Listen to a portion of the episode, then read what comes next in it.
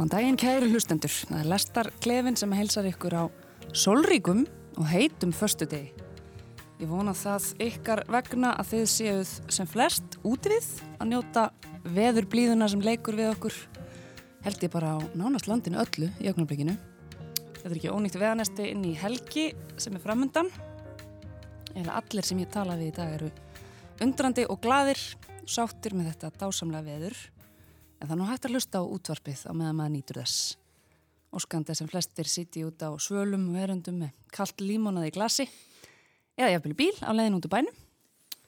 Fjallgöngur eða rótivist, ég veit það ekki. Ég heyrði að ég er að láta mig dreymum að njóta veðusins og það eru eflust gestir mínir líka að gera. En við ætlum samt að eiga stund hér saman næsta klukkutíman og ræða þrjá menningaviðbyrði eins og vennja hverður áum og gestir þessa þáttar er ekki að verri endanum. Það er Stefan Óli Jónsson, fréttamaður og hundapappi, Rósabjörg Brynjálsdóttir, þingmaður og Högni Egilson, listamaður. Verði velkomin í Lestaklefan. Takk. Takk. Takk fyrir, takk fyrir. Og við ætlum að fjalla um þrend eins og ég nefndi hér áðan. Það er síningin Postprent Sótt Queen í Ásmundarsal sem opnar á morgun. Við fengum smá forsmekk af henni til þess að hita upp fyrir ykkur áhærundur góðir. Just Mercy kveikmyndin sem er í leikstjórn Destin Daniels Kretton og sínd í sambíónum og svo er það listáttíðin Ravlost sem fer fram svona á ýmsu formi. Þessi misserinn stendur fram á sunnudag. Það maður hefist handa við kveikmyndina Just Mercy.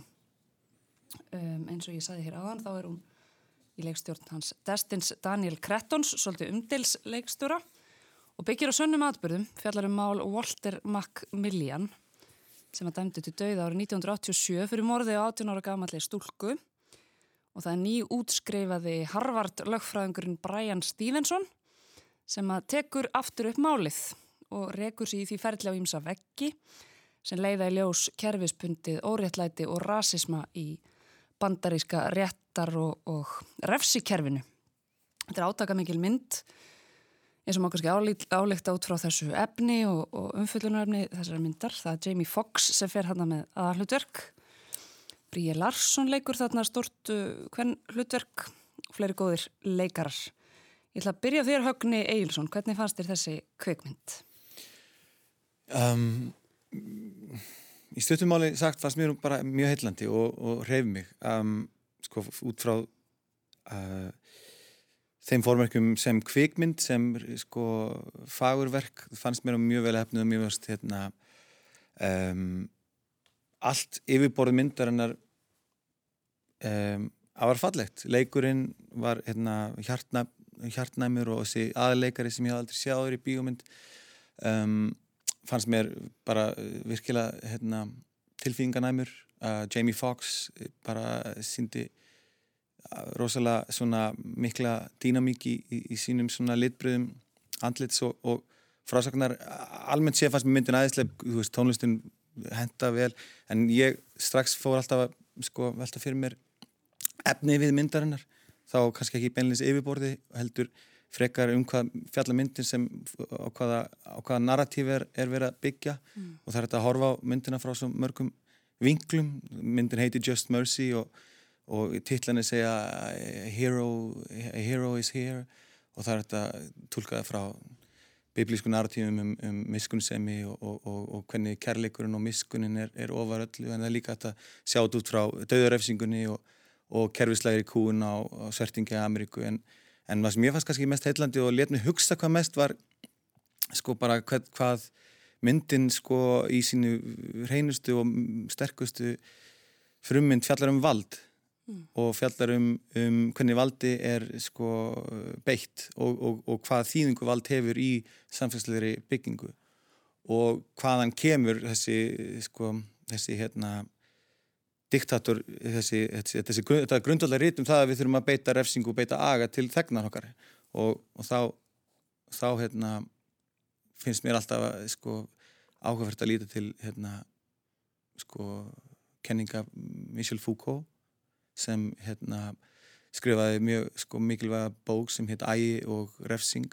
og, og fjallar um fangelsismál og, og döðurrefsingu og hvernig hérna valdið eða sko konungstæmið eða, eða, eða vald e, stjætt sko beitir hérna þegnum sínum skipulaðri sko aga sko beitir hérna fangelsun og, og hefur ákveðna þrískiptingu á á á uh, valdastjórnun á lægri stjættum til þess að, að halda aga og halda ró og halda kyrði í samfélaginu. Og, í, og Michel Foucault sko notar þá dreygur upp myndir af afhögvun, miðalda og þá er það sko vitnisspörður um sáttmála ríkisins og þegnan um það að ríkið skuli sko vernda sína þegna. Það er að segja að við, við setjum mann, hérna, afhökumann á, á, á, fyrir fram að kirkuþreipin og það er sönnun þess að við erum að vernda ykkur. Og það er einmitt narratífi sem saksóknari ríkisins í þessari mynd fer svo sterklega með. Þegar hann segir, sko í grunninn grunin er sko þessi miskunnsami lögfræðingur sem er að sækja ríki vegna þess að ránglættir í nótkunn á Johnny D, aðalegaran Jamie Foxx. En það sem sko ríkisvaldið, sko saknum sem segir er það, nei, við þurfum að beita stöðurafsingum til þess að halda ró og spekt í samfélaginu. Og það er grundvallar svona, að narratív sem er svo spennandi og áhugavert er þessi tvö öll sem er að mætast það er að segja rétt sínin, réttlætið og vald sko hinn náttúrulega áskapa valdskipulag samfélags sem er efni viður alls okkar samfélags, hvort sem er í fjölmjölum eða í pólitík eða hvort sem er á social media eða hvort sem er, þannig að þetta er það sem er svolítið spennandi í myndinni, en jú, mjög fallið mynd Uh, tónlistin hrífandi allt, allt mjög maður snortin en, mm -hmm. en hún fjallar um svo miklu miklu meira heldur um bara fallega tónlist og fallega leikmynd mm -hmm. Rósabjörg, það er nákvæmlega svo högni lýsir það var þarna efnið við sem að svo sem hefur byrst okkur margóft áður í afturrenga menningu kveikmyndum og sjónvastáttum um, þau reynilega kerfisbundnu mannreittindabrót sem eru mhm. stundu í fangilsum bandaríkjana mm -hmm. um, sem að verast einmitt stýrast af sko, efnaðarslegum kvötum öðru fremur og að það sé svona, jú það er vissulega tekin afstæða til þess í myndinni en hún fjalla líka ósæðilega mikið bara um hefðið mannlega, þessar manneskjur sem að kúldrast í fangaklefum í bandaríkjunum eru einhvern veginn einar og yfirgefnar og eiga sér lilla von. Um, fannst þið þessu gerð góð og samfærandi skil? Hvernig, hvernig Já, sko, ég er alveg sammála högna í því, þessi, þetta er mynd um, um hérna kúun og þetta er mynd um vald, misbyrningu vald og þetta er, mis, þetta er mynd um náttúrulega Uh, áratug árhundruða óréttlæti gagvert þeldökku fólki í bandaríkjónum en hérna það er líka rétt sem hún segir að ég þekk líka til hér ég er búin að sjá nokkrar svona myndir áður og sem betur fer þá höfum við verið að sjá líka koma myndir, bandaríska myndir eins og Moonlight og 12 Years as a Slave og Black Panther sem að Jamie Foxx emitt leki í og mhm. fekk Óskars tilnæmningu eða velun fyrir mm. þannig að það búið að vera rosalega vakning í þessu og mjög, mjög mikil umbreyting e, sérstaklega hvað var það sko Hollywoodmyndir þar sem að þeldu ekki leika aðalhlutverk og, og líka sögur um þeirra sögu mm og hérna mér fannst þetta eins og ég sammála því sem Högna var að segja sko mér fannst leikurinn mjög góður í þessari mynd e, tónlistin passaði mjög vel við og það, það náða að fanga andrúsloft sem að andrúsloft Suðuríkjana þar sem að ég saknaði pingulíti var, uh, var persónusköpun Brian Stevenson mm. mér varst vanta eitthvað meira á baku hann þú veist einhver svona dýft inn í persónusköpunna og, og hans karakter en svo í rauninu svona þegar komum til lokinu myndinni þá áttamins að þetta er byggð á bókinni hans mm. um hans feril sem mannrættinda lögfræðingur mm. og um hans þrótlausu baráttu að þá fattum maður okkur, þetta er ekki um sko persóna, þetta er um hans störf í þáu blökkufóls og réttindabarandu þeim til handa. Mm -hmm. En sko, uh, svo fannst mér líka, nú er ég búin að gleima hérna, le leikaranum sem leik hérna, mannin sem að eiginlega freymaði sko Jamie Foxx eða þú veist já, og, já, já. þannig að hann sáleikari og þið kannski munið það með mér á eftir en, en hérna, hann, það varst mér stórkostlegu leikur sko. Mm -hmm og þessi mm, svona auðagars hvíti maður í þessu samfélagi sem hafði einmitt lest á, í, sko, á, á vergangi fóst, millir fóstufóreldra og, verið beittu misrætti í æsku og svo framvegis og hvernig það kom inn í söguna líka. Eh, það sem mér fannst eiginlega sjokkrandi líka og mér fannst að tala svolítið inn í sko samtíman er einmitt eh, við erum að sjá núna og við öll þessi þrjú verk sem er þú veist þrjár listaháttir eða og mynd og allt það sem við erum að tala um tengis náttúrulega COVID og ekkert síður þessi mynd heldur en hitt vend mm. en þess að við erum að fá núna endalega sögur um það hvernig uh, COVID-faraldurinn er að lenda harðara á þeldökku fólki í bandaríkjanum heldur en hvítum og, af, og verða svo rosalega afhjúpun á mm. þessari botlausu stjætskiptingu sem er að finna í bandaríkjunum á milli hvítra og þeldröka og latínó eða fólk af hérna suðuraminskum uppruna og akkurat sko þetta er nefnilega ekki bara þetta viðbjóðslega misrætti sem á sér staðin í fangelsum bandaríkjana heldur líka bara í sko samfélaginu öllu mm -hmm. og það er það sem að gegn sýrir þetta og svo er alls konar þú veist mjög áhugaverðar tilvittnanir í þessari sögu sem að gerist í Monroville sem að sko To Kill a Mockingbird börn sko, eftir Harper Lee gerist mm -hmm. sem skrifið 30, 1960 byggða atbyrjum frá hérna sem gerist 36 Já, sem er mjög nærri í þessari frásum mjög nærri og þarna sko 50 ára síðar eða hvað er, menna, þetta, er þetta eru atbyrjum sem gerist í kringu 1990 mm -hmm. og hún, hann, það er bara alltaf veist, þetta er alltaf gerast á þessum slóðum sem voru svo mikil uppspretta þessa frægu hérna skálsögu mm -hmm. að það er raun og veru allt sko, þetta er þetta ennþá mhm og svo varst mér líka undir lókin að þá er verið að tengja við það sem að hérna, við bara raunveruleikan og það er í raunveru svo staðirind að til dæmis lauruglufóringi var kosin 5 eða 6 sinum eftir mm -hmm. þessa atbyrði mm -hmm. og hætti held ég að leta störmi fyrir að hitt fyrir veist, það bara hérna, og það gerir þetta svo stert öll þessi saga sem er sögð í þessari mynd sem er alltaf bara ótrúlega sorgleg og, og átakaleg mm -hmm. hún er, er svo nærri okkur hún er bara ennþá mm -hmm. ennþá gerast en ég hérna já svona kannski frábæð leikur og góð mynd sem síndi þetta misrætti á, á svo djúpan og eftirminnilegan hátt en þetta er ekki, þetta var kannski ekki endilega svona mikið nýtt í þess, maður hefur séð margt sko áður, mm. hérna hvernig þaldukir hafi verið beittir viðbúslega misrætti sko í, í fangil sem er réttakerfin í bandaríkjunum og svo framvið sko þannig að Já. en hérna, einhvað séður ég myndi segja að þetta verið svona skildu áhór sko En mitt, maður les það nú líka í dómi með þessa mynd, ég rendi aðeins yfir það fyrir Já. þannig að þátt hvernig við tökkur þessi kveikmyndu við fengið og hún þykir mjög áhrif mikil og, og hefur svona sterk áhrif á áhörundur mest megnis virðist vera uh, Var því þannig farið með þig, Stefán Óli, hefðum við þér þessi kveikmynd? Nei, ekkert sérstaklega. Jú, þetta er auðvitað átakalegt efni uh, og eins og þú segir þá er þetta minni sem hefur komið margótt fram áður í alls konar myndum og svo leiðis og þess vegna þótti mér mjög, mér mjög mikilvægt að þau skildu vera með þessa vísun í To Kill a Mockingbird mm -hmm. og þess vegna er þetta einhvern veginn svona viðurkenna það að þetta sé efni sem við þekkjum og hefur verið sett fram margótt áður og það bara einhvern veginn segja bara, já já, veist, þetta gerir það sama stað og þetta er bara efni sem við erum sífald að fjallum og það er kannski bara ágættis ámenningum það að við séum ekki komið lengra og það er ennþá fjallum þessi efni og allt það en mér þótti þessi mynd eiginlega hundleðileg bara mm -hmm. að vera mhm. alveg mm -hmm. hreinskilin og finnst gott og myndist á hann hérna Brian Stevenson mm. sem að Michael B. Jordan sem er ágættisleikari með ennþá betra nafn hann hérna, mér fannst hann algjörlega óþúlandi allt sem hann sagði bara vera mjög bara innihaldslust, mér fannst það klísjulegt þá var mér nokkur einræður í þessari mynd sérstaklega eftir hlið það var það var ekki hægt að sitja undir þessu. Þetta var alveg óþúlandi mm. en hann gerir það sem hann ávæntilega að gera mjög vel. En mér finnst hann flatur mér finnst baksagan hans koma illa fram. Mm. mér finnst einhvern veginn allir aðri standa sér betur heldur en sá sem átt að bera upp í myndina. Mm. en jú, þessi mynd er bara ágætt í því sem hún ætlar að gera. Hún ætlar að kalla fram tilfinningar um erfitt efni.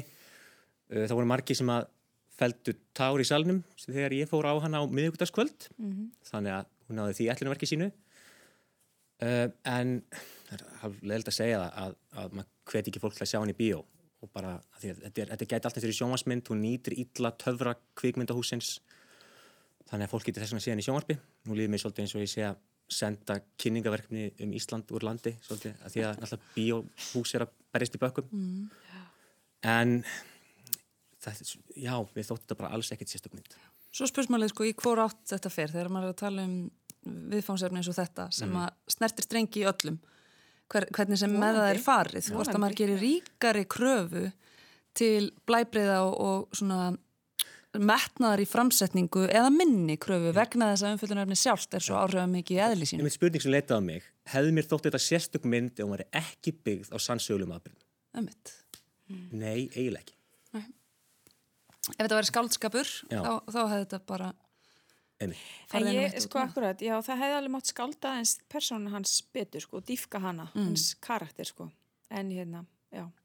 Ég, sko, ég, kannski er ég bara þess, þess, úr þannig gerður að ég, ég hérna, að í svona, í svona sögu, þar sem er verið að fjalla um efni sem jú er oft tekið á og, og, og sem fjallar um með mitt kúin svertingja og, og, og en mér er svo spennandi að, já, eins og þú segir, þú veist að, að fangelsis þessi refsing og þetta eftirlit og þessi umbreyting frá sko úr, úr hérna ósam, úr ósamúð yfir í samkend sem sést á nokkurum vikstöðum í myndinni til dæmis í hérna, öryggisverðinum sem hérna, sem byrjar að strýpa hérna, lögfræðingin og hann ferill hans verður að miskun, miskun samir það er hetjusagan hans hann, hann, það Verður já, þetta verður umbreyting, um, umbreytingaferli en líka bara þetta fyrirbæriði sko að, að, hérna, að fangelsi sjálft sé speilmynd á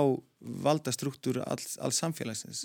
Og hvernig sko þessi eftirlit og þessi eftirfylgni og, og normalisering hvernig hún á sér stað í öllu regluverki okkar mannlega, sko, allar samfélagsöðu tilveru. En það er náttúrulega kemur ekkert við sko, einhvern leika, einhvern leikara veist, það, en þannig að maður getur alltaf tekið þessa forsendur í bíómyndum, allan ég gerði alltaf, þá er sko ég, ég, ég er alltaf bara mér finnst alltaf vera svona byrtingamyndir einhvers, einhverja tjáningar sem er alltaf hérna áhugaverð en þarna er efniverun svo merkilegur og svo bersýnilegur að, að ég, þó að ég fái krema tilfinningu þegar að negra sálmannir syngja í svona ykkurum svona hálf hvað að segja svona æ, svona, þú veist þetta er ekkit þó ef ég maður fái svona að þetta er svolítið get ekki klísukent eða eitthvað en, en þá, þá er ég alltaf verð ég alltaf fyrir átökum bara að hugsa um söguna sjálfa. Ömmit. Rosa Björk, heldur að við sem hvítir áhöröndur sem að horfa á þessa kveikmynd í skandinavísku bíhúsi búum við það líðræðislega jafnbrettis samfélag sem við gerum.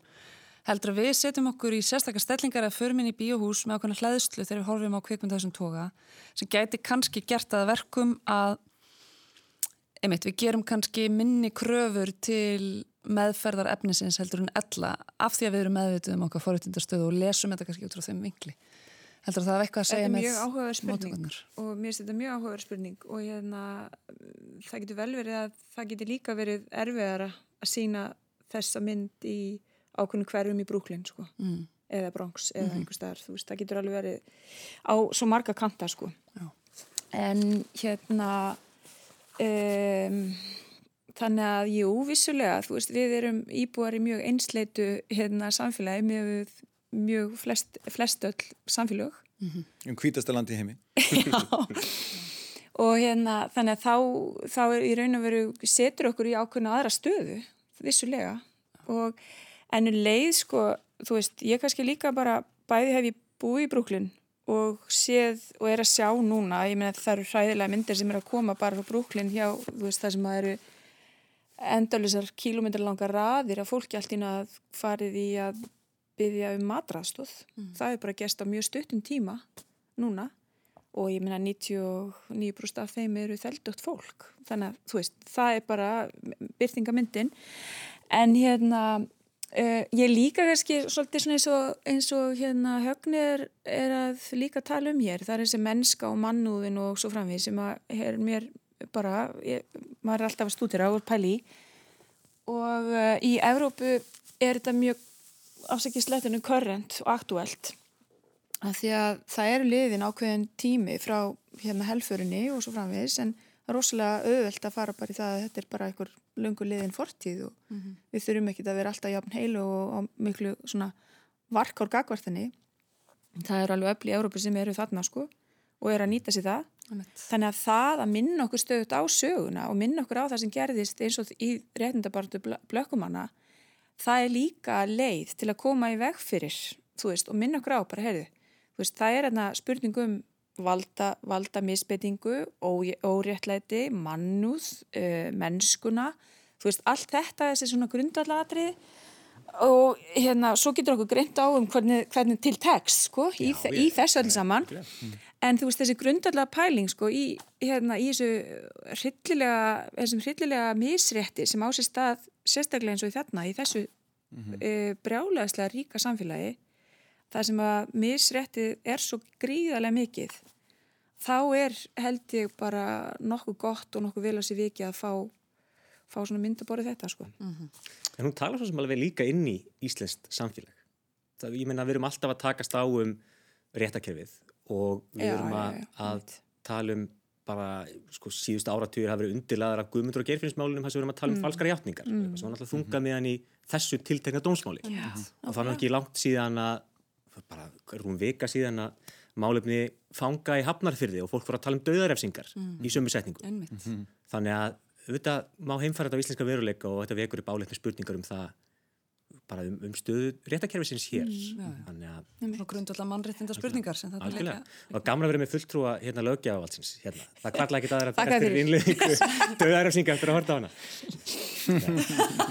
Og takk marga sínist þá séum við skulum ferja okkur yfir í næsta mála dagskraf það er síngin Sótt Queen sem er myndlistarsýning sem fyrir fram í ásmundasal og er í rauninni kannski loka punktur ferðlis sem var afar áhugavert eh, átti sér stað í kófinu það voru höfðingjarnir í post-prent prentverka kollektíf eins og við kalla sig eh, Þóruður Hans Baldursson og Viktor Weissapel sem að sendur á sig skilabóð þann 24. mars síðastliðin auglýsingu eða, eða opið kall á þessum fordamalausu tímum langar okkur hjá postprent að sjá hvers konar list verður til á tímum sóttkvíjar og samkomubans Sýnið okkur hvað þið eru að fást við með því að senda okkur tekningu, ljósmynd, grafík sem við byrtum svo hér á Instagram. Einareglan er að þetta tengist ástandinu undarfarnar vikur á einhvern hátt. Og þannig sendu þér af stað bolta sem að hlóð mjög hratt og vel utan á sig og skömmum tíma. Það bárast á annað hundrað verka og þar sá maður hvernig listamenn þessa lands svona nýttu sköpun og gáði í myndunum af þess að vinna úr ástandinu á ótrúlega ólíka vegu mm. um, og mér svona persónlega finnst það alveg ótrúlega skemmtilegt að sjá hvað hversu margar hugmyndir kviknuð út frá þessu ástandi og hversu fljót við erum að bregðast við og vinna einhvers konar sköpunverk út úr andrúslófti líðandi stundar.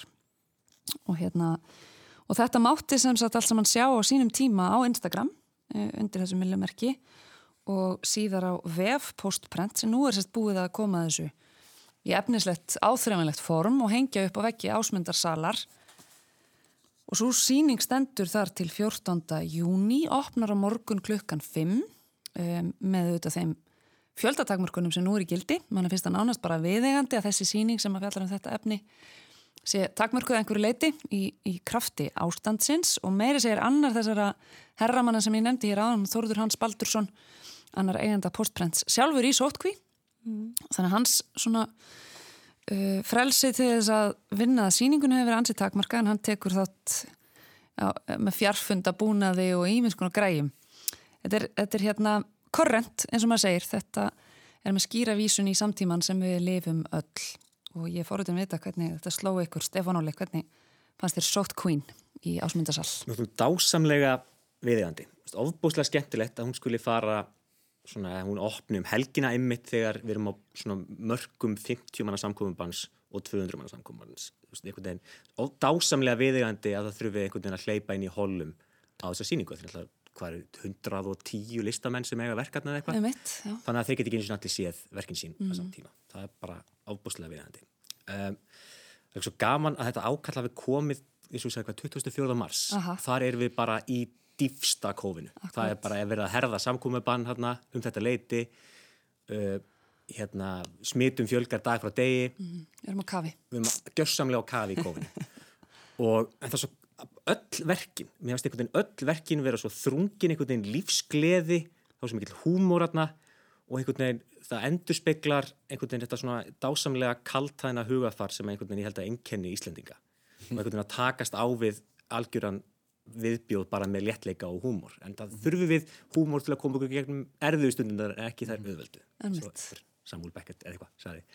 En hérna, mér þótti þetta hinn skemmtilegsta síning Og dæmið með hennan húmor sem hún nefnir er kannski hérna Sprit Zero, Sprit Zero einmitt. Það má nefna það, var hérna að koma fyrir á spritflöskum þarna, uh, annað verk eftir hann að Margeti Lóu, uh, viltu gjöra svo vel að þóðir um fokking hendurnar, er áleiturinn á sápubrúsa, mikið unni með sprit og sápu þarna, annað plaggat var uh, eftir hann Viktor Væsabell, allir svona helst að sleppa því að fara í orgi um helgina út af ástandinu, COVID-19. Svona helst bara. Ennmitt, þetta er bara brota brota þeirri komík sem að ber fyrir augu á þessari síningu. Þannig að þetta er kannski svolítið mikilvægur hluti af sorgarferlinu sem við höfum verið í. Annarkort er þetta svona skemmtilegu minnisvarðum þetta tímumbil eða hræðileg grafskrift ef að hérna, við missum þetta aftur úr böndunum. Þannig að það er mjög gaman að sjá hvernig, ég held að dómurinn um þessa síningu kannski kom ekki alveg strax fram fyrir en við erum kannski komin alveg út úr þessu ástandi. Þá veitum við hvort þetta var fyndið eða hræðilegt. Einmitt. Í það minnsta er þetta heimildaskráning Já, um það sem að hefur átt sér stað hérna, Rósa Björk. Er, er ekki svo heldur þetta sé ekki svona Eh, jú. verði sögulegt í fyllingu tímans? Jú, ég nefnilega, hérna, svo forutnir að heyra hvað ykkur finnst um þessa síningu vegna þess að mér fannst það að vera svona úrvinnslu hérna leið hjá mörgum sko. Og ég var ekkit endilega verða fyrir einhverjum hughrifum, einhverjum húmor. Þú veist, mér fannst þetta ekkit margt af þess að neitt mér alltaf fyndið. Heldur frekar svona endurnýting á einhverju slög, slög, slög, slagorðum, þú veist og bæti inn í sótkví eða bæti inn í COVID einhverju. Og þannig að do you feel stupid and contagious? Þú veist, með nýrvana sko. Þú veist, þetta er eða hérna, þú veist, þetta er- Orðagrín. já, svona orðagrín þú Guð veist, blessi handfóttin. Já, guðblessi handfóti, þannig að vera, þetta er svona endurvinnsla á einhverjum svona annarkvort málsáttum eða slögurum eða, eða þú veist þetta reddast á andlisgrímunni og, og hérna samkomi bann, ekki samgöngu bann, þú veist, og allt þetta skil, þetta er svona sla, slagorð sem að við, þú veist, það var, þetta var svona slagorð COVID tímabilsins, en sum, sumt að við bara var kannski ekki endilega rosalega frumlegt, sko, heldur bara svona að endurvinna Er það ekki kannski bara svona veist. viðjandi að það skorti frumleikan í ástandi sem fastur heima á sér og svolítið, þú veist, svolítið það, sko. Get ekki fengið innblástur Þannig að, já, akkurat, en hérna svo fannst mér uh, líka, já, speil, speil, herrum þú mér, hver landi síktur er. Þú veist, þetta er bara að vera endur nýta alla, að- rosa mikið. En uh, hérna, nei, nei, svo fannst mér líka, þú veist, svona, hug, svona tilfinning sem að fann, finnur fyrir eins og myndir af fólki í allt og mikil nála og snert eitthvað hlaðborð eitthvað, ég bara, ó, og maður finnum að þeir, sko, byttu, byttu, passa sig, ekki vera alveg á með hendunar á kafi í hlaðborðinu, þú veist, eða eitthvað. Þannig að maður far líka, þú veist, svona tilfinningu sem að, þú veist, tengist þessu tímabili Akkurat. sem að hérna held að verði svolítið holt finnum hann aðeins að bara svona finna þeim að En ég held það úrvinnslu er bara einhver þerapi í svo Já, fólki, finnst manni, það eitthvað að. Að að vinna úr. Og þú veist, eitthvað svona fólk að panta sér rosa mikið af pítsu og ég meina ekki gerði við það á mínu heimili en bara þú veist, einhver hafi verið því og það er bara fínt og eitthvað. Akkurat, að maður verður kannski samdöina ástandinu eftir einhver tíma. Mann er fyrst þess að maður hafi aldrei mátt knúsast og mann er fyrst svona, sko, handabönd bara einhvern veginn, forneskilur eru algjörlega úreldur hlutur og þessi hlutir eru svo fljótir að einhvern veginn að missa gildi sitt eða en normaliseringu og þetta, þessi sýninga kannski einhverju leiti áminningu um bæði tíman sem var og þennan tíma sem við lifðum.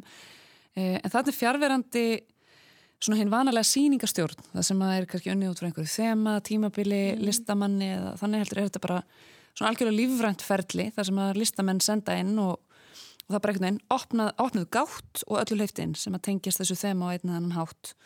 Og það eru sagt, eh, Þórður Hans og Viktor og hún Ólaf Rutt Stefansdóttir sem að setja saman sýninguna og hérna hanna rýmið í, í þessu öllu saman Högni, hvernig fannst þið það gert? Þetta, hvernig fannst þið þetta koma saman hann í, í rýminu? Það er ekki sjálfsagt að það gerist lífrænt vel eða haganlega. Já, það, það, það, þeirna, mér fannst sjálfu uppsetningin eða sýningastjórnun einhvers konar samræmi eða, eða, eða samspil aldrei verða einhverju fyrirbreyði í sýningunni. Ég upplifði þetta meira sem svona uh, svona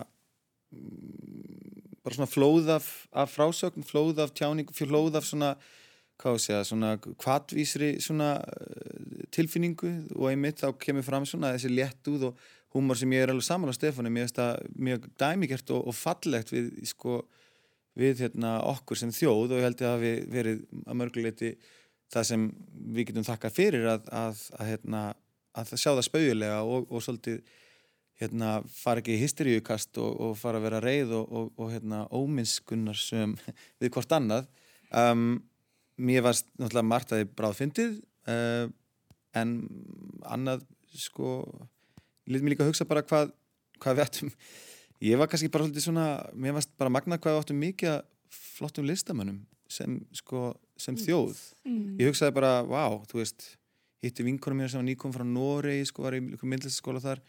Og sagði ástu bara, ef ég er í Noregi þá veist það væri bara ólíu stíbla þú veist, hérna er bara allt flæðandi í sköpun og fólk að segja alls konar og þú veist, það er bara, wow, veist, það er raflöst, það er endalísi listamenn sem ég, græsrölda listamenn sem er að koma fram með einhverju verk og síðan eru 100-200 ungi listamenn sem gera eitthvað frábæri verk á, á einni orskund, við getum verið svo þakklátt sem þjóð. Og ég held að það kannski komi hérna, megin máli og það er hvað hérna list og, og, og, og listamenn e, hafa svo mikið erindi mm. á tímum sem þessum. Þegar við þurfum sko, fjarlægð frá sko, öllum verðarleika, frá sko, því sem er praktíst, frá því sem er, er hérna, nöðsynlegt heldur, að, að fantasera um allt sem er sérstakt og öðruvísi og, og kannski fyndið mm. og fallegt og, og hérna, átakalegt og sorglegt og, og þá, þá erum við að mæta atbyrjunum og ástandinu af aðurleysi og spekt og hérna, það fannst mér koma rosa fallega fram í þessari þessari síningu um, ég er náttúrulega sem persónulega sem sko þú veist finnst mér líka bara þetta vera svo mikilvægt að því að þarna kemur upp andartak í okkar sögu þar sem mm, talandum valdakerfið hérna brotnar niður og þá kannski kemur fram hvað er hérna skiptir mestumáli og hvað, hvað er raunverulegt hérna Um, hver er raunverulega skipun og það er þekking og það er vísindi og, og mér varst það, ég sá það einu verki þarna það sem ég fannst að hún manni ekki alveg hvernig hver það var en það var, það var svona hestur sko maður á hesti með svona kórónu og hann held held ég á eitthvað svona spröytu mm. og málverk og ég hugsaði, já, býtu þarna ertu með leiðtóan, þarna ertu með sko hertóan sem situr á hvita hestunum með spröytu með vísindin í hendi hann, hann hafnar ríkisvaldin hann svo gerðist í okkar tímum þú veist það er bara hvað er umverulega skiptir mest máli, hver er umverulega hafa valdi og það er þeir sem stjórna orðræðinu og hver er stjórna orðræðinu hver er stjórna þekkingu, það eru vísindinni mm. það eru vísindamennir mm. sem kemur svo í ljós á tíminu þessum að, að það eru vísindamenn sem segja slökku á þessu, slökku á þessu slökku á þessu og pólitíkusar sem við höldum að hafa valdi eða efnaðs mm. ha, ha, eða hagsbára, hvað, allt reyði til hliðar. Já. það er sem er merkilegt. Mm. og ég horfði á þetta mál og hugsaði he's, he's got it. Valdastruktúrun lúfar fyrir Já, kannski er ég svo upptökinn af völdum núna en það er samt, Já. ég held að það sé mjög mikilvægt og ég held að það sé mikilvægt að hugsa um þetta því að, að því það er akkurat, valdastruktúrun hann, hann, hann afbyggist. Og þá erum við berskuldum í hvaða er sem aktuált hefur erindi og það er þekkingin. Mm -hmm.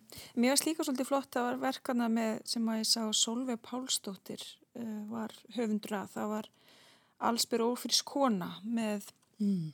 grímu fyrir vitunum og hjælt svona um hérna bumbuna og, og með bláum hönskum og mér varst það vera rosa, mér varst það svolítið svona flott verk af því það er bæði sko dauð og líf og hérna, þú veist og allt þetta, það fannst mér vera svolítið flott gert sko í því verki. Að að, og ég held að það sé líka eins og þeir eitthvað sem segja allir, þú veist, einhvern svona húmor og kaltæni og svona halgir svona léttúð mm -hmm. þú veist, í kringum þetta sem má alveg sjá á þessar síningu og það má alveg veltaði fyrir sig að það kannski ef ástandi hefði verið verra og ef við hefðum verið í ástandi sem að marga þjóður hafa þurft að glíma við sem bara algjört lockdown og mátt ekki hitta nema tvo eða hvaða var og, og eru kannski ennþá í svolítið svona að koma sér sko hægt og rólega bara í það að hitta tíu sko að þá hefði kannski verið þingur undirtótt mm. þú veist, inn í síningunni það getur vel verið, ég bara veldi mm. fyrir mér sko mm. að hérna það hefði kannski, kannski hefði það gert sko Já. Svo finnst mér merkilegt að skoða sem þið nefni hérna Þannig að viðbraðsflíti og hvað, það er kannski tíman að tákn, ekki síður en hitt allt saman. Um, hvað er hægt að reyða fram viðfangsefni og fjalla um það, vinna úr því og hengja upp á vekki listasaps á skömmum tíma.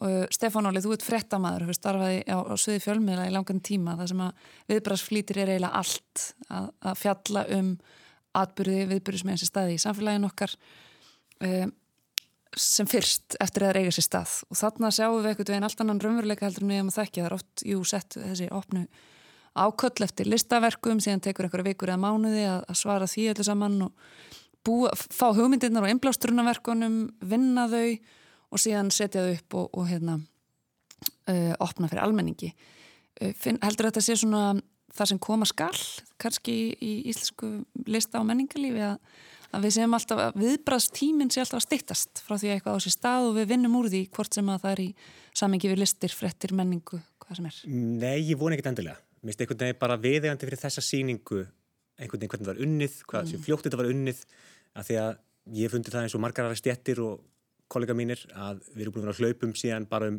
áramót eða eitthvað, þetta er búin að vera gjössamlega fráleitir mánuðir, mm.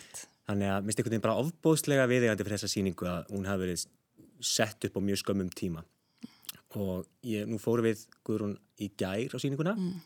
hún var ekki tilbúin þá en þá fá, við svona vísi af því hvernig allir vekkir voru þaktir af verkum og ég vona mm. að það sést þróin þau séu að fara að þekja alla vekkina með þessum 130 verkum eða hvað þetta er og bara að drekki áhörundum í list að því að það er eitthvað að íslensku þjóðinni ef hún átta sig ekki á gildir listarinnar eftir þessa mánuðu sem eru undangengnir. Mm. Því hvert leitaði þjóðin eftir, veist, þegar hún reyndi alltaf að saminast hérna í heimaverunni, hvert fór hún? Jú, hún fór til tónlistarmanna mm -hmm. og, og hefur hún ekki verið að horfa á þætti og, og kveikmyndir og annað. Hefur, listin hefur haldið lífi í þjóðinni þessu umröðlega ástandi. Mm -hmm. Þannig að ég vona einnilega bara að fólk lappi að inn og fáu bara svona, þú veist, bara kýlt í magan bara ótal verkum frá ótal mhm. fólki mm -hmm. og einmitt, húmor og alvarleiki í bland og hvaða er sko, bara einhvern veginn ótrúlega mikilvæg samtíma heimild um þetta ástand sem er vonast að fækja.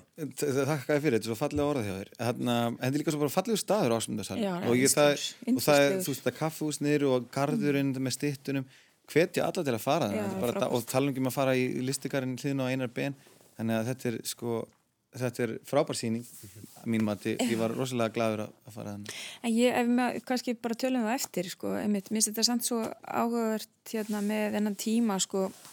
hvað fólk hefur skapandi frjótt og það er alltaf búið að vera að tala um það svolítið mikið bara, heyri, það er bara að vera að bjóða upp á tónleika og það er að vera að bjóða upp á síningar og myndlist og, og hérna allskinn sköpun í gangi mm. en það bara er þetta ástand sem að líka býður kannski upp á að skapa inni í sko, að því betur hvað er að gerast, það er eitthvað, eitthvað alveg nýtt fyrir okkur öllum og hvernig erum við að upplöða það og hvernig bregðist við, við þú veist með því sem er fallegt á, á tímum mitt innilókuna þar sem maður hefði kannski haldið að það vantaði örfun og það vantaði fjölbreytileikin sko, í hverstasleikin Já, vinkurum vinkur mín sem er listamöður, hún sagði bara það er sótkvíð, það er bara svona nokkuð normal fyrir okkur listamöður Já, við vi, vi, vi tónlistamennir erum vanir að vera einið okkar hljóðfæri þannig að þetta er príðilegt sko. En, en, hérna, en það er líka bara, þetta er svo algilt yfir alla og alla stjættir og allt fólk er, það er bara all, allar hugmyndir okkar um hvað sem skiptir okkur máli, það það er hvað á hvað eiga hana, fínt fólk í Garabæ að gera eitthvað merkilegdur en annað fólk að kaupa fítna kampæn, fara til Teneríf, nei. Nei, það, Norður Ítalíu. Norður Ítalíu, það skiptir einhver máli. Veist, þetta, er, þetta er allt saman hugmyndir í haustum af fólki og, og, og það óra hérna, humarsúpan sakast bara ágætlega. Mm. En mitt, fínustu lokaður um þetta. Ég ætla samt að skeita því aftan við að ásmyndasalur er einmitt að vinna úr þessu ástandi á fjölbreyttan hátt af því að þessu sömu helgi þá opnar síningin mikilvægur ítranir eftir Jón Helga Holmgersson þar sem hann er að vinna með sama efni við hann þá ólíkan hátt, þar sem hann er fást við íslenskuna, tungumálið okkar og svona tungutakið sem engjandi COVID. Já, nýjörðin. Já, nýjörðin er nefnilega til hansi mm. mörg skemmtileg nýjörði þegar heyrðið mér í tamt að nota hugtakið kóf um þetta og ég held að flesti séu svona farnir að nota það hansi reglulega mm og þessa síningum á sem sé sjá í ásmundarsal í leiðinni. Við ætlum að verða að kíkja það alls mann. En við ætlum að fara ykkur yfir næsta kabla og þann síðasta að þessu sinni, það er svona stafræna listaháttíðin Raflost. Rask og Raflost sem halda háttíð sem stendur fram á sunnudagins og áður hefur framkomið og er ekkert veginn svona listáti með óveinlega sniði, ætla ég leiða mér að segja, ekki bara út á kófinu, uh, hún hefur verið haldinn í hvað, 13-14 ár held ég, þessi hátíð og byrtist okkur með vídeoverkum, tónlist uh, og ímiskonar list, auk námskeða í listaháskólanum, það sem að fjallaður um stafrænar list út frá óteljandi vinglum. Um, það er svona meðal uh, síningar staða þessu öllu saman er Vasulka stofan í listasafni Íslands á fríkirkjuveinum það sem eru sínt vídeoverk eftir Gabrielu Freyriksdóttur, Marju Dahlberg Móna Adilí, Katrínu E. Jónsdóttur, Hjördísadóttur og Þorbjörgu Jónsdóttur og svo eru ótal margir viðburðir sem á kynna sér á síðunni raflost.is og sem þið gerðuð meðal annars þótt hún sé svona hálnuð þessi háttíð Högni, hvernig leist þér á? tónlistamæðurinn sjálfur, þetta er svona tónlistaráttið einhver leiti en líka bara svona hljóðulistaverk, vídeoverk og Já, allir fjárin. Allir fjárin, um, miðla hátíð. Uh, Önmitt. Ég náttúrulega dýrka þetta. Ég, að, þetta, er, þetta er framlínan, þetta eru, þetta eru hérna, hermennir sem eru fremst í výljuninni. Mm. Og, og þetta er avantgarde ah, fram úr stefna svona. já, þetta já. er fram úr stefna já, þetta er talandum þekkingu þetta, þetta er já, sköpunum hefst það sem þekkingin endar þetta er, þetta er fálm við, við ósynileikan þetta er hérna, daður við allt sem er hérna, hefur enga hérna, skýrskotun í tungumálið okkar. Þetta er náttúrulega hljóðlistaháttíð sem lætu mig alltaf sko, hugsa því að hljóð því sjálfur sér þetta er tónlistaráti, hljóðlistaráti þetta er náttúrulega önnur vít, þetta er, þetta er hljóð þetta er narratív hljóðsins, þetta er ekki beint narratív tónsins. Þetta er ekki sko tja, sko ef þú ferð á Víkingheiðar í, í hérna, eða symfónína í, í, í hérna í hörpu þá ertu með um, þá ertu með listtóna þú ert með sama fasta sem eru sömur hljóðfari og, og listin gengur út á því að skapa tilfinningilega tjáningu gegnum einfalda tóna sem er allt spilað sem er hljóðfærin. Þannig ertu að vinna með rafhljóð, þannig að vinna með hljóð, bylgu. Mm -hmm. um, frásögnin er alltaf önnur, hún er önnur vít. Þetta er, þetta er sjálfsér ekki tónlist, þetta er sjálfsér er þetta hljóðlist og auðvitað það kannski eitthvað, eitthvað þykir eitthvað skrít að segja en það er bara, er það um, sem er samt svolítið, svo, það, er svo, það er svo mikilvægt fyrir nútímana því að, að, því að það, það enginn er svo mikið nútíman um, hljóðin og, og, og, sko, og frásögnina í gegnum hljóðin. Öll okkar poptónlist, allt sem við heyrim í útverfinu þetta allt gildir allt um, um e, e, sko um, smáatriði sem hljóðlitrun hefur í förmið sér, það er það sem við erum upptekin af sem nútíma fólk, það var ekki þannig fyrir 50 árum síðan. Mm. um, ég, náttúrulega bara, þú veist, ef við varum ekki með svona hátíðin eins og raflust, þá væru við sem þjóðu andlega fátæk. Og, og, og það er bara gott að minnast það. Og þetta er fallegu staður. Mér finnst leðilegt að geta ekki fara á tónleika þú veist, svona þreitund að vera með þetta í sjónvarpinu heima, mér langar alltaf bara fara eitthvað staður og, og reyka síkrutu og, og, og tala við lið og horfa á þetta eitthvað Ég er reyndar ekki ekki, en ég er bara svona minn, ég er bara hugsa um... Conception. Já, conceptionin er bara að skipta mest máli, þetta er ímyndininn, en já, ég, mér finnst þetta dásalegt, ég fýla svona, mér finnst það, það sem skiptir mestu máli af, af öllu, að, að fólk sem, sem fer í framstöfnuna án þessa verðleggja það í, í, í, í verallegum hérna, efni við heldur bara skapar frálst Er eitthvað frekar um þetta að segja? Nei, ég bara, þú veist, listamöðurinn tala sko. Akkurat, ja, þetta er svo sannarlega rétt og, og fallega líst og sagt frá þarna högni. Um, og svona fyrir þá sem kannski ekki þekkja til, þá held ég að það svona sé kannski kærkomið að útskýra örlítið betur hvernig þetta fer alls saman fram. Þetta er sérst á YouTube rás mengis, svona mestmægnis, þar, þar er þetta flutt bæði ávörp, fyrirlestrar, upplifanir. Uh, meðal það sem að mér þótti sérstaklega gaman að sjá var, var hún Steinun Eldflög Harðardóttir sem við þekkjum sem tónlistarkonu og listamann, myndlist, myndlistamann ekki síður, þarna var hún komin með sína stafrænu list og var að sko leiðsegja í gegnum sína stafrænu æfintýraveröld. Þannig að þar hafði maður einhvern veginn hennar performance, hennar leiðsögn og lýsingar, uh, viðbrað þess sem átti í hlut auk þeirra svona sjónrænu myndlistar og hljóðrænu veraldar sem hún hafi búið sér til þannig að ég held að sé svona jújú, jú, stafræn listaháttíðina er einhver leiti utanum þetta en ég hugsaði sig hérna tíminn að ræða hans högna gera það ekki síður Stefán Óli, hvað fannst þér? Gaman að minnist einmitt á steininni Eldflög og hennar þrývita veröld því að mér þótti óbúslega skemmtilegt að hún hafi ge gefa einhverjum leiðsögn að fara í gegnum þetta, mm. einhvern veginn bætir andri vitt ofan á það frekar heldur en hún hefur bara gert það sjálf og talað um verkið sitt einhvern veginn Einmitt. sem að myndir halda að vera kannski svona hefðbundin svona úrvinnsla á þessu verki en gaman að fá einhvern, hérna, einhvern dana bara og láta hann fara í gegnum þetta fyrir sig. Og þetta er mjög skemmtilegt. En ég ætla bara að veikina það, ég er svo illað mér í þessum geira menningarinnar að þegar útsendingin hófst klukkan nýju í gerkvöldi þá var útsendingin, útsendingin var bara gölluð hún var bara hljóði var ömulegt mm. það var högti ótrúlega mikið og ég hugsa bara með mér vákandi fram á snöfnulegt og töff ógislega speisa ógislega Þetta er speisa ekki hvað ég segja högti allt saman Þetta voru svona svolítið. En svo bara kom á daginn að þetta var bara, útsendingin var byluð. Já, bara ekki náða sko. við það net. einmitt. En það sem kannski skemmtilegt við þessa útgáfu listar, eða hvað maður að kalla það, er, er að hún býður upp á gagnvirkni. Og mér þótti hún svolítið skemmtileg. Að margt þarna í gerkvöldi bauð manni upp á það að taka þátt sjálfum. Eins og þau fóru í gegnum uh, verkefni listnemana í listaháskólanum. Þá gotum við sjálf fyllt þeim sem var að sína verkin. Sem skal farið inn í uh, þennan dýragarð til að mynda sem leit út eins og Gilvi Ægjesson hefði búið hann til með hvernig þessi heimasíða var uppsett Já. og svo þegar hann hérna King Kardashian leik fyrir dansi hérna undir lokin. Mm. þá var okkur búið upp á það að dansa með einhverjum fígúrum með. Það er skemmtilegt, það er ekki oft sem einhvern veginn manni býðist að taka þátt í verkinu sem að maður er að fylgjast með, hvað þá yfir netið? Og aftur, taldur samtíma heimildir. Mér óttu bara mjög viðegandi að komast ekki í mengisalinn eða tól tóna í gær til þess að vera viðstættur heldur þurfa að horfa á þetta í gegnum netið. Það er bara svolítið svona, svolítið COVID. Einmitt, maður hefur séð svo margt, svona margar, svona margar stafræna lausnir einhvern veginn og svona snjallar tæknilausnir á undarförnu. Höfum öll verið að fjárfunda og, hlusta á tónleika og leiksýningar, gjörninga og ljóða upplustur um, fjarrri þeim stað sem að það er flutt. En samt var einhvern veginn eitthvað nýtt gert þarna. Þeim tókst að gera eitthvað alveg nýtt og fríka allavega fyrir mína parta.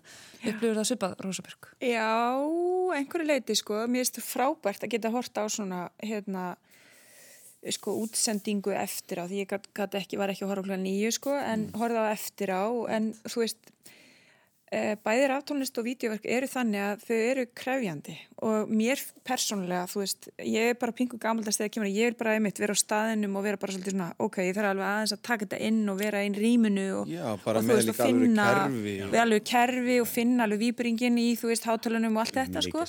Já, pingu, þú veist, þannig að ég held að sé eh, frábært að hafa hennar möguleika og það er aftur að leika sem er það alveg endalaust, eins og þú ert að lýsa, sko.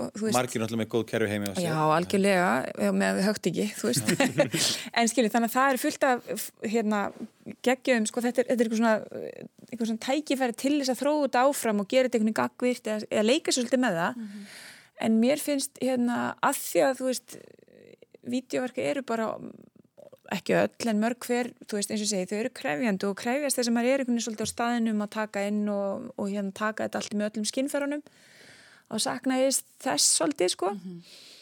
Og náði verki Marju Dahlberg sem að reynda er frá 2009 en fallegt verk og, og hérna mikið vatn í því og það er svolítið viðandi núna líka. Og, og svo líka Kapin Fíver eftir Gabrielu sem er líka frábært verk sko. Mjög, mjög flott og, og gaman að sjá það. En þú veist þetta var líka svona ok, ég ætla að kíkja á þetta aftur og þú veist, sjá meira og það kveikt alveg í mér alveg að þú veist, já ok, það er aðeins að hérna, þú veist fara, og- fara að tjekka á þessu. Og mér finnst náttúrulega stórkuslegt að þessi hátíð sé búin að vera í 12 ár sko. það er bara, bara áfram það. Nákvæmlega. Og eins og nefnir þá er þetta ekki bara eitt sinn, þetta er ekki streymi sem sýntir einu sinni og svo aldrei aftur heldur er hægt að melda þetta, horfa aftur og aftur og, og vinna úr þessu sem hann er sýnist. Og eins og ég saði á þann þá stendur hátíðin til sunnudags og það eru ímiskona viðbyrðir bæði efnisleir, raunverulegir stafrænir og, og hérna, allt hvað eina. Og kynna sér daskan á raflost.is í hvert áhærindur til að gera það nýta tækifærið. Við erum víst komin á endastöð í þessum þætti. Um, eftir fróðlegt spjall um þetta þrent síninguna Sótt Queen frá postprent í Ásmundarsal kveikmyndina Just Mercy sem síndir í Sambjónum og svo þessa stafrænu listaháttíð Raflost. Högni, samþykjur þann titil stafrænu listaháttíð. Já, er það ekki? Svona ágætlega lýsandi fyrir það sem á sér stað. Jú, þetta er stafrænt. Ég ætla að hleypa ykkur út í solskinnið og heitan, bong og blíðuna sem að leikur við okkur akkurat núna. Ég vonu að gera það allavega ennþá, við erum búin að sitja í þessu stúdiói síðustu klukkustund. Mikið var þetta ánægileg lestarferð. Þakk ykkur kærlega fyrir komuna. Stefán Óli Jónsson, fréttamaður og hundapappi. Rósa Björk Brynjarsdóttir, þingmaður og Högni Egilson, listamæður. Takk fyrir okkur. Takk sem fyrir. Takk fyrir.